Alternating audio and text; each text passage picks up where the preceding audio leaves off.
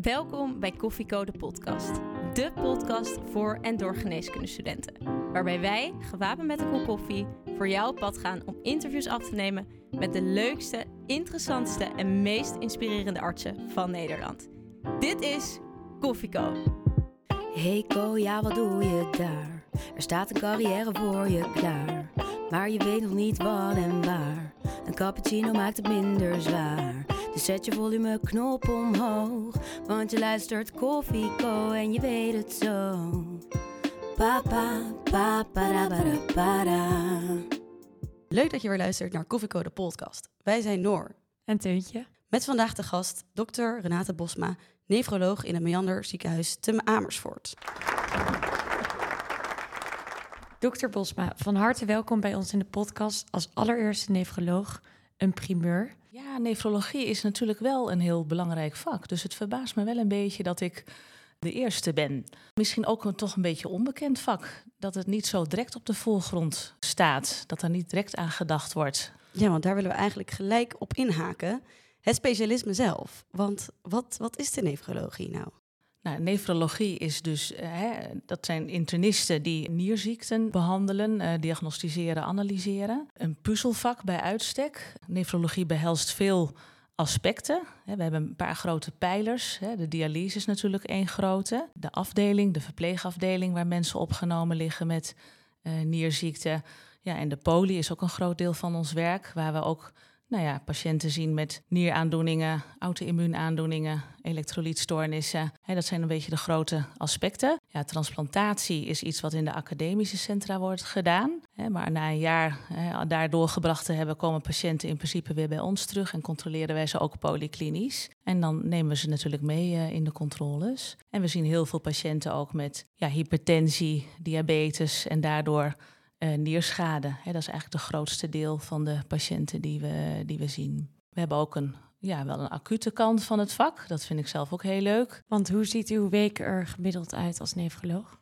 Op de maandag, nou ik kan het even schetsen zoals het nu is ingedeeld. Maandagochtend is voor de dialyse. Um, we hebben s ochtends dan nou, toch wel 20 tot 24 chronische hemodialyse patiënten op de zaal en op de kamers zitten of liggen. Die bezoek ik met een verpleegkundig specialist. Dat verdelen we vaak. Dus we wisselen dat ook af of we doen het samen.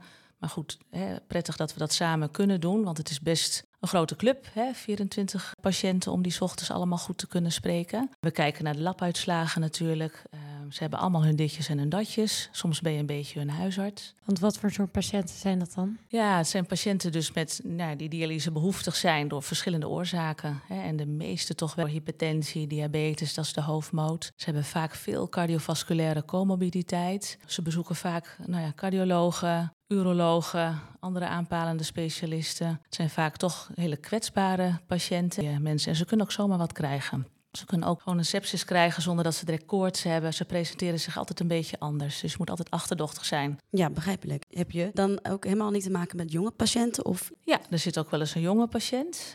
Ik heb het nog niet eens inderdaad gehad over de leeftijd. Maar het gros is natuurlijk van oudere leeftijd. Maar er zijn ook jongere patiënten. Er zijn ook nieraandoeningen die plotsklaps bijvoorbeeld bij een jonge patiënt zich voor uh, kunnen doen. Zoals welke? IgA-nefropathie in een bepaalde vorm. Wat een uh, acute niersufficiëntie kan uh, geven vormen van vasculitis kunnen ook bij jongere patiënten optreden. We hebben recent een relatief jonge patiënt gehad met een anti-GBM-nefritis. Dat is een vrij zeldzame aandoening. Die mensen komen vaak echt acuut in dialyse, plassen ook lang niet altijd meer, worden ook niet altijd beter. Maar dat is een heel indrukwekkend ziektebeeld, hè, waarbij je de patiënt ja, niet alleen medisch moet begeleiden, maar ook sociaal, maatschappelijk. komt ook veel uh, nou ja, emotionele zaken natuurlijk bij kijken. Hè, als je nou ja, realiseert dat je ineens uh, chronisch dialysepatiënt bent.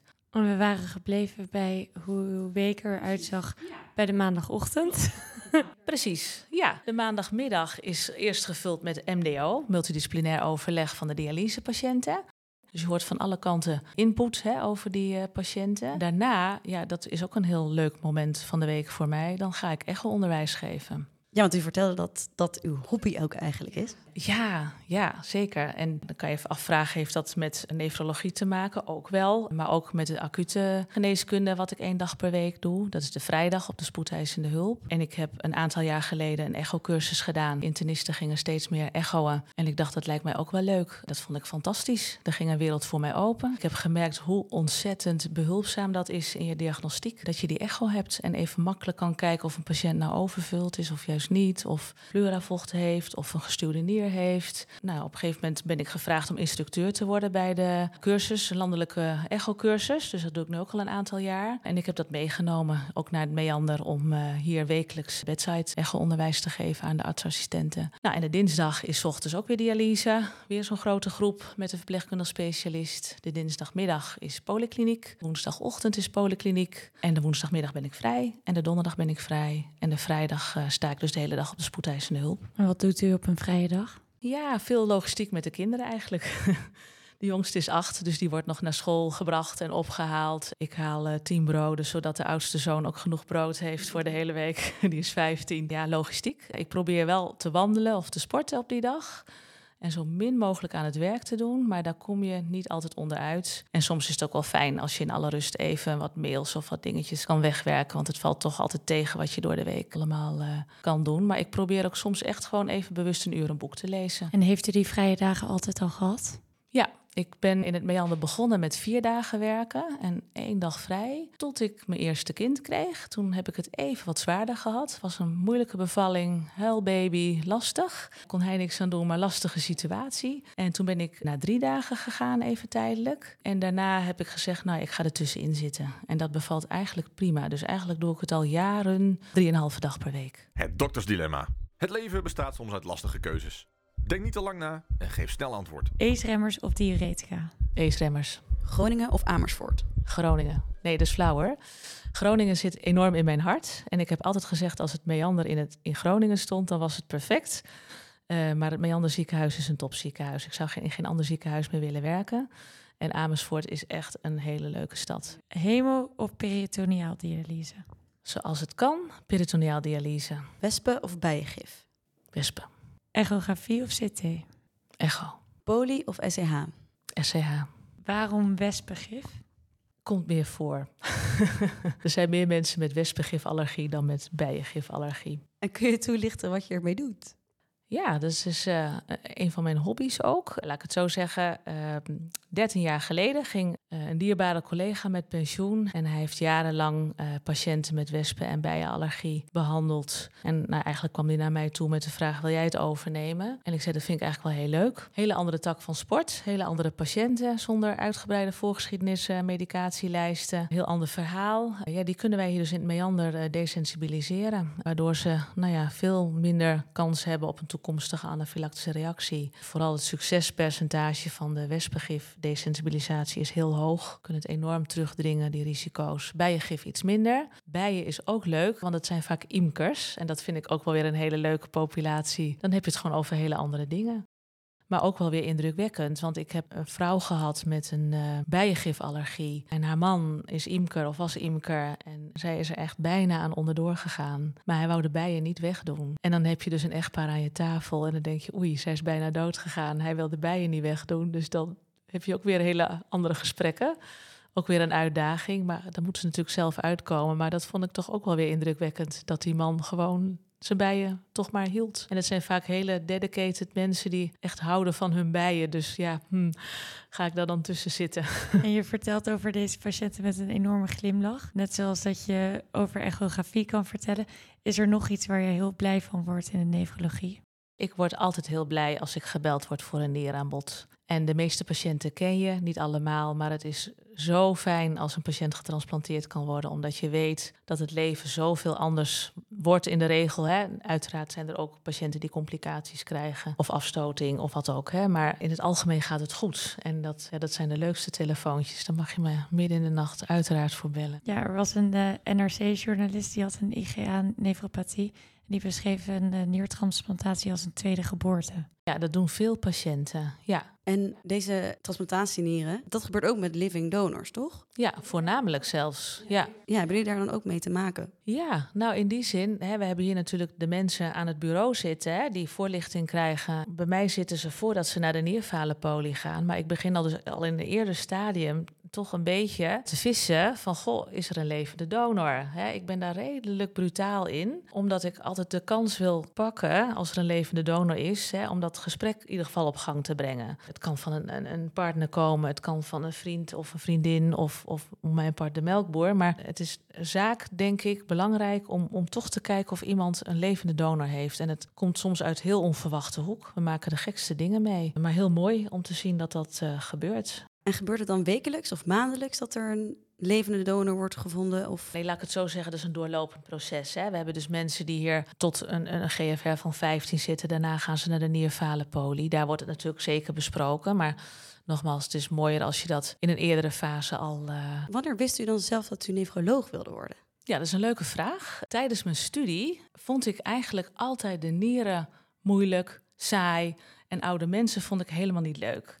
En dan moet je dus kijken wat het geworden is. En gaandeweg is dat ontstaan. En het is eigenlijk ontstaan bij mijn kooschappen. Ik heb in Enschede mijn kooschappen gelopen. En ik begon op zes met zes weken op de MDL.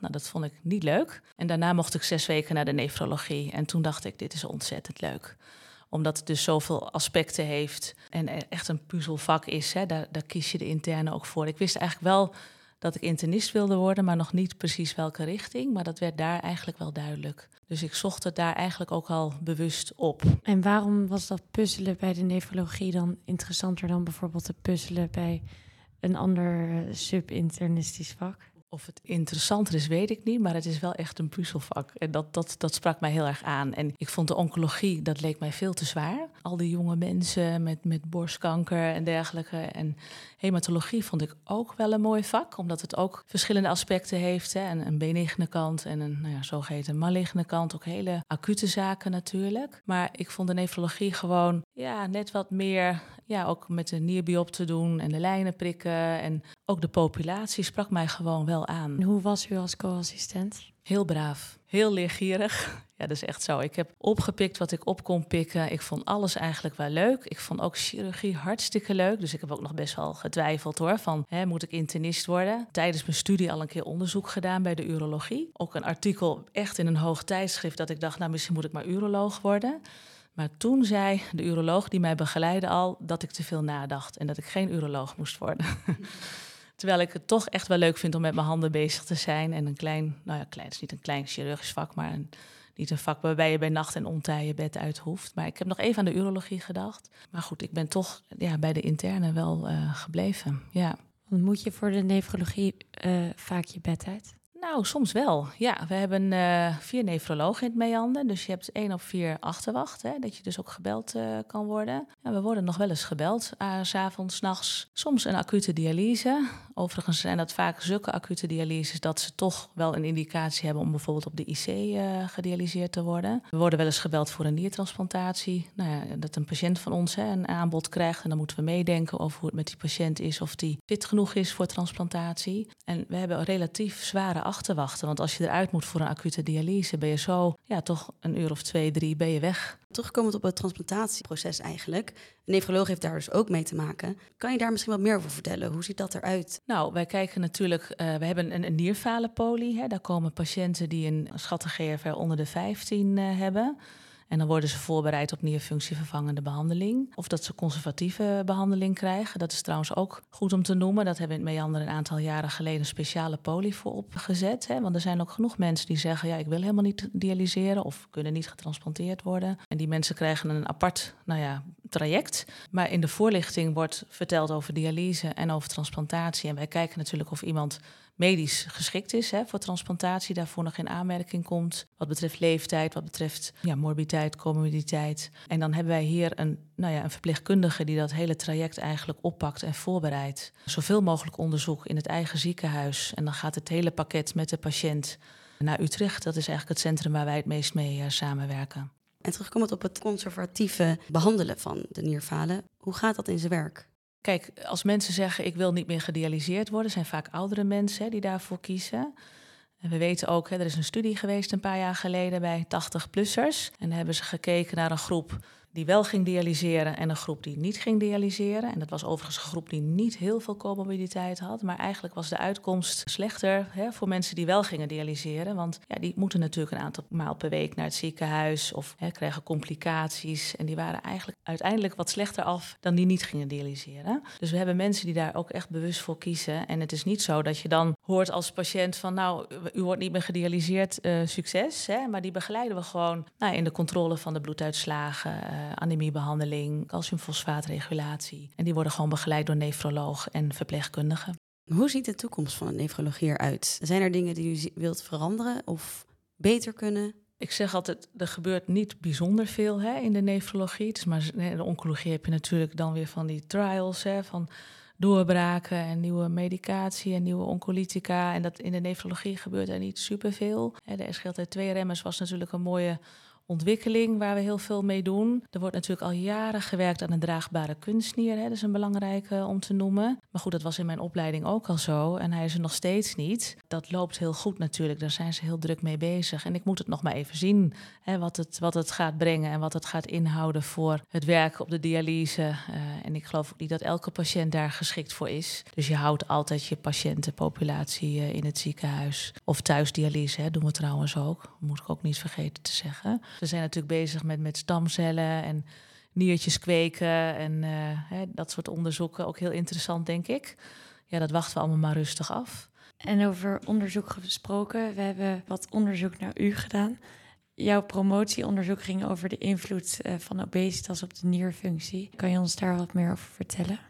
We weten dat diabetes hè, uh, invloed kan hebben op de nierfunctie. Die mensen die gaan hyperfiltreren. En we weten dat dat uiteindelijk niet goed is voor je nieren. Hè. Die nieren raken als het ware uitgeput. En het was eigenlijk nog niet zo bekend. Ja, het was wel bekend dat dat bij obesitas echt aan de orde is. Maar nog niet zo bij overgewicht. Hè. Dus de BMI tussen de 20 en de 25. En daar zijn we naar gaan kijken of we daar ook dat fenomeen zagen. En we zagen het inderdaad bij toenemende BMI uh, vanaf 20 tot 25 inderdaad ook gebeuren. Dat die mensen mensen gaan hyperfiltreren. Dus dat het eigenlijk BMI van 24 ook niet per se goed is. En dat, dat was eigenlijk vrij nieuw. Dus dat, dat konden we ook publiceren en laten zien. En ze hebben in Groningen een enorme database van echte nierfunctiewaardes. Wat ze met, met joodtalamaatklaringen doen en hypuran. Dat doen ze vooral bij transplantatiepatiënten, posttransplantatie, maar ook gezonde vrijwilligers. Dus er liggen enorm veel gegevens om dat uit te zoeken. Dus dat heeft uh, ja, dat opgeleverd. En er is dus een direct verband tussen overgewicht en obesitas en een ja. verslechterde nierfunctie. Ja. Wordt er vanuit de nefrologie dan ook iets gedaan aan preventiegeneeskunde met betrekking tot bijvoorbeeld overgewicht? Ja, dat gebeurt wel, maar het kan altijd nog beter, denk ik. En overgewicht en obesitas kunnen ook zorgen voor slaapapneu bijvoorbeeld, hè, OSAS, wat op zich ook weer proteinurie kan geven, nierfunctie achteruit kan geven, hypertensie. En ik denk dat er niet genoeg aandacht voor kan zijn. Je komt op je poli, je hebt 10 minuten per patiënt, hè, dus je probeert natuurlijk zoveel mogelijk adviezen in die tijd te stoppen. En vooral zoutbeperking is belangrijk, stoppen met roken, hè, maar ook vooral dat gewicht. En dat moet je dan maar gewoon erin proppen? Nou, dat moet je er eigenlijk in proppen. En nou ja, je hebt uh, ziekenhuizen die werken met verpleegkundigen, hè, die daarna spreekuur draaien. Dat hebben we hier, nou, dat zouden we misschien nog anders kunnen inregelen, maar dat zou ook heel waardevol zijn dat je dat samen doet. Op de nierfalenpolie hebben we daar wat meer tijd en ruimte voor, maar dan is het eigenlijk al te laat. Je moet veel eerder uh, ingrijpen. Ja, maar ik moet zeggen dat de eerste lijn daar natuurlijk ook veel meer aandacht voor heeft gekregen de laatste jaren. Zij behandelen ook veel meer chronische nierfalen vergeleken met vroeger. Werken heel protocolair, vooral de praktijkondersteuners. En nemen ons veel werk uit handen. Wordt veel in de eerste lijn gedaan. Met duidelijke verwijscriteria. En we werken heel goed samen met de huisarts. Je vertelt dat je op de vrijdag uh, acute internist nog vervult die dag. Hoe ziet dat eruit die dag? Nou, dat begint zoals altijd met de overdracht natuurlijk om acht uur s ochtends. Meestal doe ik in de ochtend ook nog wel wat anders, want de patiënten komen pas een beetje in de loop van de ochtend uh, binnen. Dus ik doe of nog een telefonisch spreekuur of uh, als ik de afdeling toevallig heb, dan doe ik de grote visite mee. Maar meestal gaat het vanaf een uur of elf wel lopen beneden op de spoed. En dan zorg ik ook dat ik daar ben, want het is uitermate goed om daar tussen de artsassistenten te zitten, bovenop de patiënten dat je ook de doorlooptijden zo kort mogelijk houdt. En zo snel mogelijk die mensen hun behandeling uh, kunt geven. En ik heb bewust de vrijdag, omdat dat ook vaak de drukste dag is en ik daar het hoogste rendement uit haal. En dan kan ik ook fijn met de echo aan de slag. Ontzettend leuk om daar samen met de assistenten op te trekken en uh, de patiënten te zien. En het leuke vind ik van zo'n dag dat je werkelijk niet weet wat je gaat zien. De huisartsen bellen mij dan ook. Hè. Op andere dagen doen mijn collega's het natuurlijk. Maar je wordt als dienstdoende internist door de huisartsen gebeld. Je kan met ze meedenken. Moet hij wel komen? Moet hij niet komen? Kan het op de poli? En nou, dat alleen al is leuk. Altijd een uitdaging om uh, samen met te kijken waar de patiënt het beste terecht kan. Want kan je ons meenemen naar een acute nefrologische situatie? Wat ik wel eens gezien heb, dat gebeurde toevallig twee vrijdagen met enige tussenpoos achter elkaar. Een jonge man die met moeheid uh, zich bij de huisarts meldt. En de huisarts denkt, ja, die jongen is wat bleek. Ik laat even een lab doen. En dan blijkt hij een anemie te hebben en een forse nierinsufficiëntie. En die komt dan op de spoed eigenlijk met een eindstadium nierfalen. En, en nemen we op, wel of niet dialyseren, hangt een beetje natuurlijk van af. En gaan we diagnostiek doen. En dat was twee keer een IgA-nefropathie in een, in, een, in een eindstadium eigenlijk. Die we ook niet meer konden behandelen, omdat het al te ver heen was. En dat is wel indrukwekkend, want dat zijn jonge, soms jonge mensen die nou ja, eigenlijk vanuit het volle leven ineens zich met moeheid dus melden en uh, dit blijken te hebben. Even een hele andere kant op. Wat is dan het hoogtepunt van je carrière geweest tot nu toe? Nou, hoogtepunt. Kijk, je kan een, een afgeronde promotie best een hoogtepunt noemen. Ik ben gepromoveerd in 2008. Ik ben helemaal geen wetenschapper, dat zeg ik eerlijk. Ik ben gewoon eigenlijk een, een klinische dokter. Maar toen ik mijn opleiding nefrologie in Groningen startte, toen ben ik eigenlijk min of meer gevraagd door een van de hoogleraren van, goh, ik heb nog wat leuks liggen, vind je dat leuk om te doen?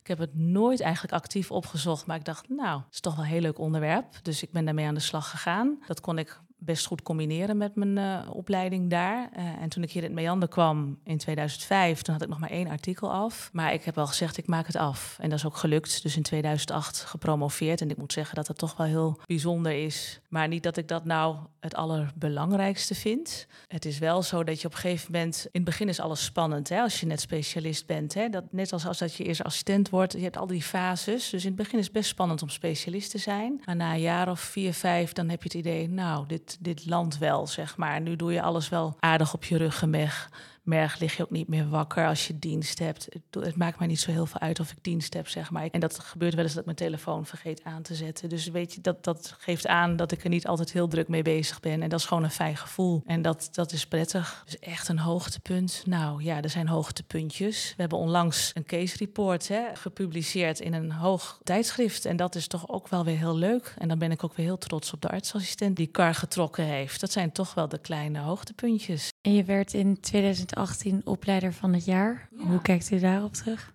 Ja, dat was uh, verrassing eigenlijk. Ja, ik vond het ontzettende eer. Ik vond het heel erg leuk. En opleider zijn, ja, ontzettend leuk om te doen. Dat contact met die artsassistenten te hebben. En ik deed het dus samen met een collega die opleider was. Nou, we waren heel complementair, laat ik het zo zeggen. Hij was vooral, hij is wat meer van de wetenschap en ik meer een beetje van de sociale kant, zeg maar. Dus we konden elkaar daar heel goed uh, in aanvullen. Dus ik was vooral van de gesprekken en de tissues waar nodig. Mentale begeleiding. En dat, dat vind ik echt heel leuk om te doen. Het is wel heel mooi als je dat dan vertaald ziet in zo'n prijs. Dus toch een bevestiging dat je het kennelijk goed hebt gedaan. En naast deze leuke dingen, heb je ook een dieptepunt in je carrière gehad? Of een specifieke casus die heel erg je blij is gebleven? Wat mij wel heeft geraakt, ik zat toen in het verlof nog van, de eerste, van mijn eerste kind. Dat was dus al niet makkelijk. Toen werd ik gebeld door mijn collega dat er een jonge dialysepatiënt, echt heel jong, 22 jaar, die ik natuurlijk goed kende, die was altijd van mij, zeg maar, maar ik was natuurlijk even met verlof. Ze had een zeldzame aandoening waarbij je blind kan worden en nierfalen kan krijgen. Ze was al een keer getransplanteerd geweest. Ze kon waarschijnlijk niet opnieuw getransplanteerd worden omdat ze hele lage bloeddrukken had altijd. En zij wilde niet meer. Zij wilde stoppen. En als je stopt met de dialyse, dan ga je dood. En mijn collega die zei dat ze naar mij had gevraagd. Maar goed, dan zit je zelf dus niet zo lekker in je vel. Maar ik dacht, ik moet het wel doen. Dus, maar dat vond ik wel moeilijk. Want dan ben je zelf, ik was echt heel gammel hoor in die tijd. En labiel. En, eh, en dan ga je dus met je kind naar de dialyse. Die breng je even onder bij de verpleegkundige en je gaat het gesprek aan. Maar ja, eigenlijk had het achteraf misschien ook niet gemoeten. Ook weer wel. Maar daar heb ik achteraf wel even over gedacht van... hadden we dit nou zo moeten doen? Maar voor haar was het heel fijn. En daar gaat het mij uiteindelijk om. Dat is natuurlijk het belangrijkste. Dan is mijn lot of mijn bezwaar is dan ondergeschikt, vind ik, aan de patiënt. Echt een hart voor de patiënt. Ja, dat, dat, dat heb ik wel heel sterk. En nou, dat hoor ik thuis wel eens dat dat misschien soms ook wat minder kan. Maar dat is hoe, hoe, het is. En nu we het er toch over hebben, nog even nadenkend, niet heel lang geleden, dat vond ik dus wel echt een indrukwekkende casus. Kwam er een meneer, of de huisarts belde, die zei: Ik heb hier een meneer, die is uh, 62, is die geloof ik. Ja, die man die woont op zichzelf, maar die heeft een paar keer de praktijk bezocht de afgelopen weken. En ik vind hem wat anders dan anders. Hij heeft echt ander gedrag. Zijn dochters zijn bij mij geweest. Die krijgen geen goed contact meer met hem. Hij doet de deur dicht. Politie al een keer langs laten gaan. Vermijdt contact, terwijl hij eigenlijk anders nou alles deed, motorreed, uh, zichzelf helemaal redden. En ik weet het niet. En hij heeft een zwelling van de parotis. Nou, het waren allemaal dingen dat ik dacht, hmm, ik weet het ook nog niet, maar laat hem maar komen. Nou, hij bleek inderdaad een enorme parotitis te hebben en inderdaad een raar neurologisch beeld, wat we niet goed konden duiden. Maar die man klopte niet. Hij was apathisch, hij keek een beetje voor zich uit. En hij bleek ook fors nierfalen te hebben en fors overvuld te zijn. En een hart wat het bijna niet deed. Nieren die het bijna niet deden. Erg kortademig was hij. En hij had een actief sediment, zoals dat heet. Dus hij had rode bloedcellen, ontstekingscellen in zijn urine, eiwit.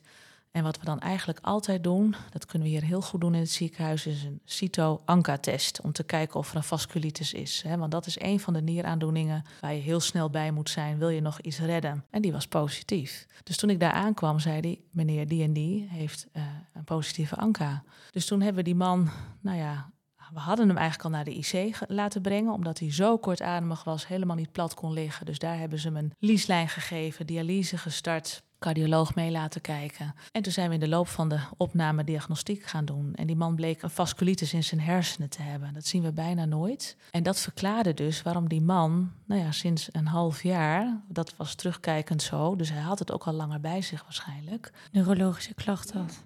Ja, en, en heel ander gedrag. Uh, zijn dochters, één dochter wou ook geen contact meer met hem. Zo erg was het. En dat vond ik wel heel indrukwekkend. En toen zijn we die man gaan behandelen en die man klaarde gewoon op. En ik zag die man terug en het was een totaal andere man.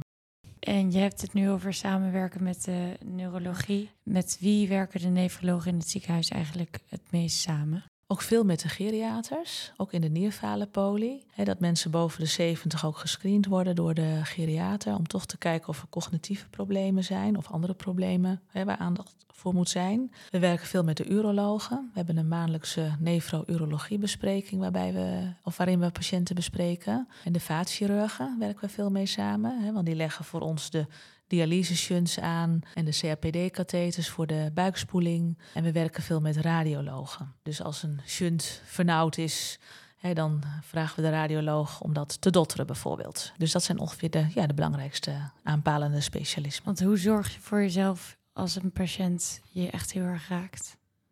Ik lig er niet direct wakker van. Dus gelukkig heb ik dat niet. Heel soms wel hoor, maar niet dat het mij hindert in mijn dagelijks functioneren. Dus ik kan het wel scheiden. En je kunt het met collega's bespreken. we hebben een ja, hecht clubje met vier nefrologen. En we kunnen elkaar opzoeken als er wat is. En bespreken van, uh, nou, wat vind jij? En uh, we kennen elkaars patiënten ook uh, vaak aardig goed. Hè, dus dat helpt ook. Dus ja, we komen er eigenlijk altijd wel uit en kan het goed handelen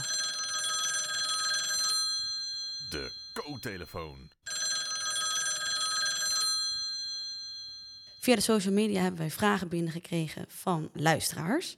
Zo vraagt Malik zich heel specifiek af hoeveel wiskunde een nefroloog moet beheersen. Is de, de nefrologie nou zo'n wiskundig vak? Leuke vraag. Ik geloof niet dat ik nou heel veel wiskunde nu uh, in de dagelijkse praktijk. Uh, behalve uh, het ouderwetse rekenwerk wat iedereen moet beheersen. Ja.